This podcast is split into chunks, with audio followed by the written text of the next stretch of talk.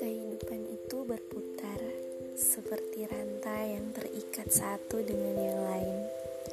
Apa yang kita dapatkan hari ini berasal dari apa yang kita upayakan di masa lalu. Kemudian menjadi penentu apa yang mungkin kita dapatkan di masa depan. Begitu seterusnya, berputar seperti halnya bumi yang mengitari matahari. Begitulah kehidupan.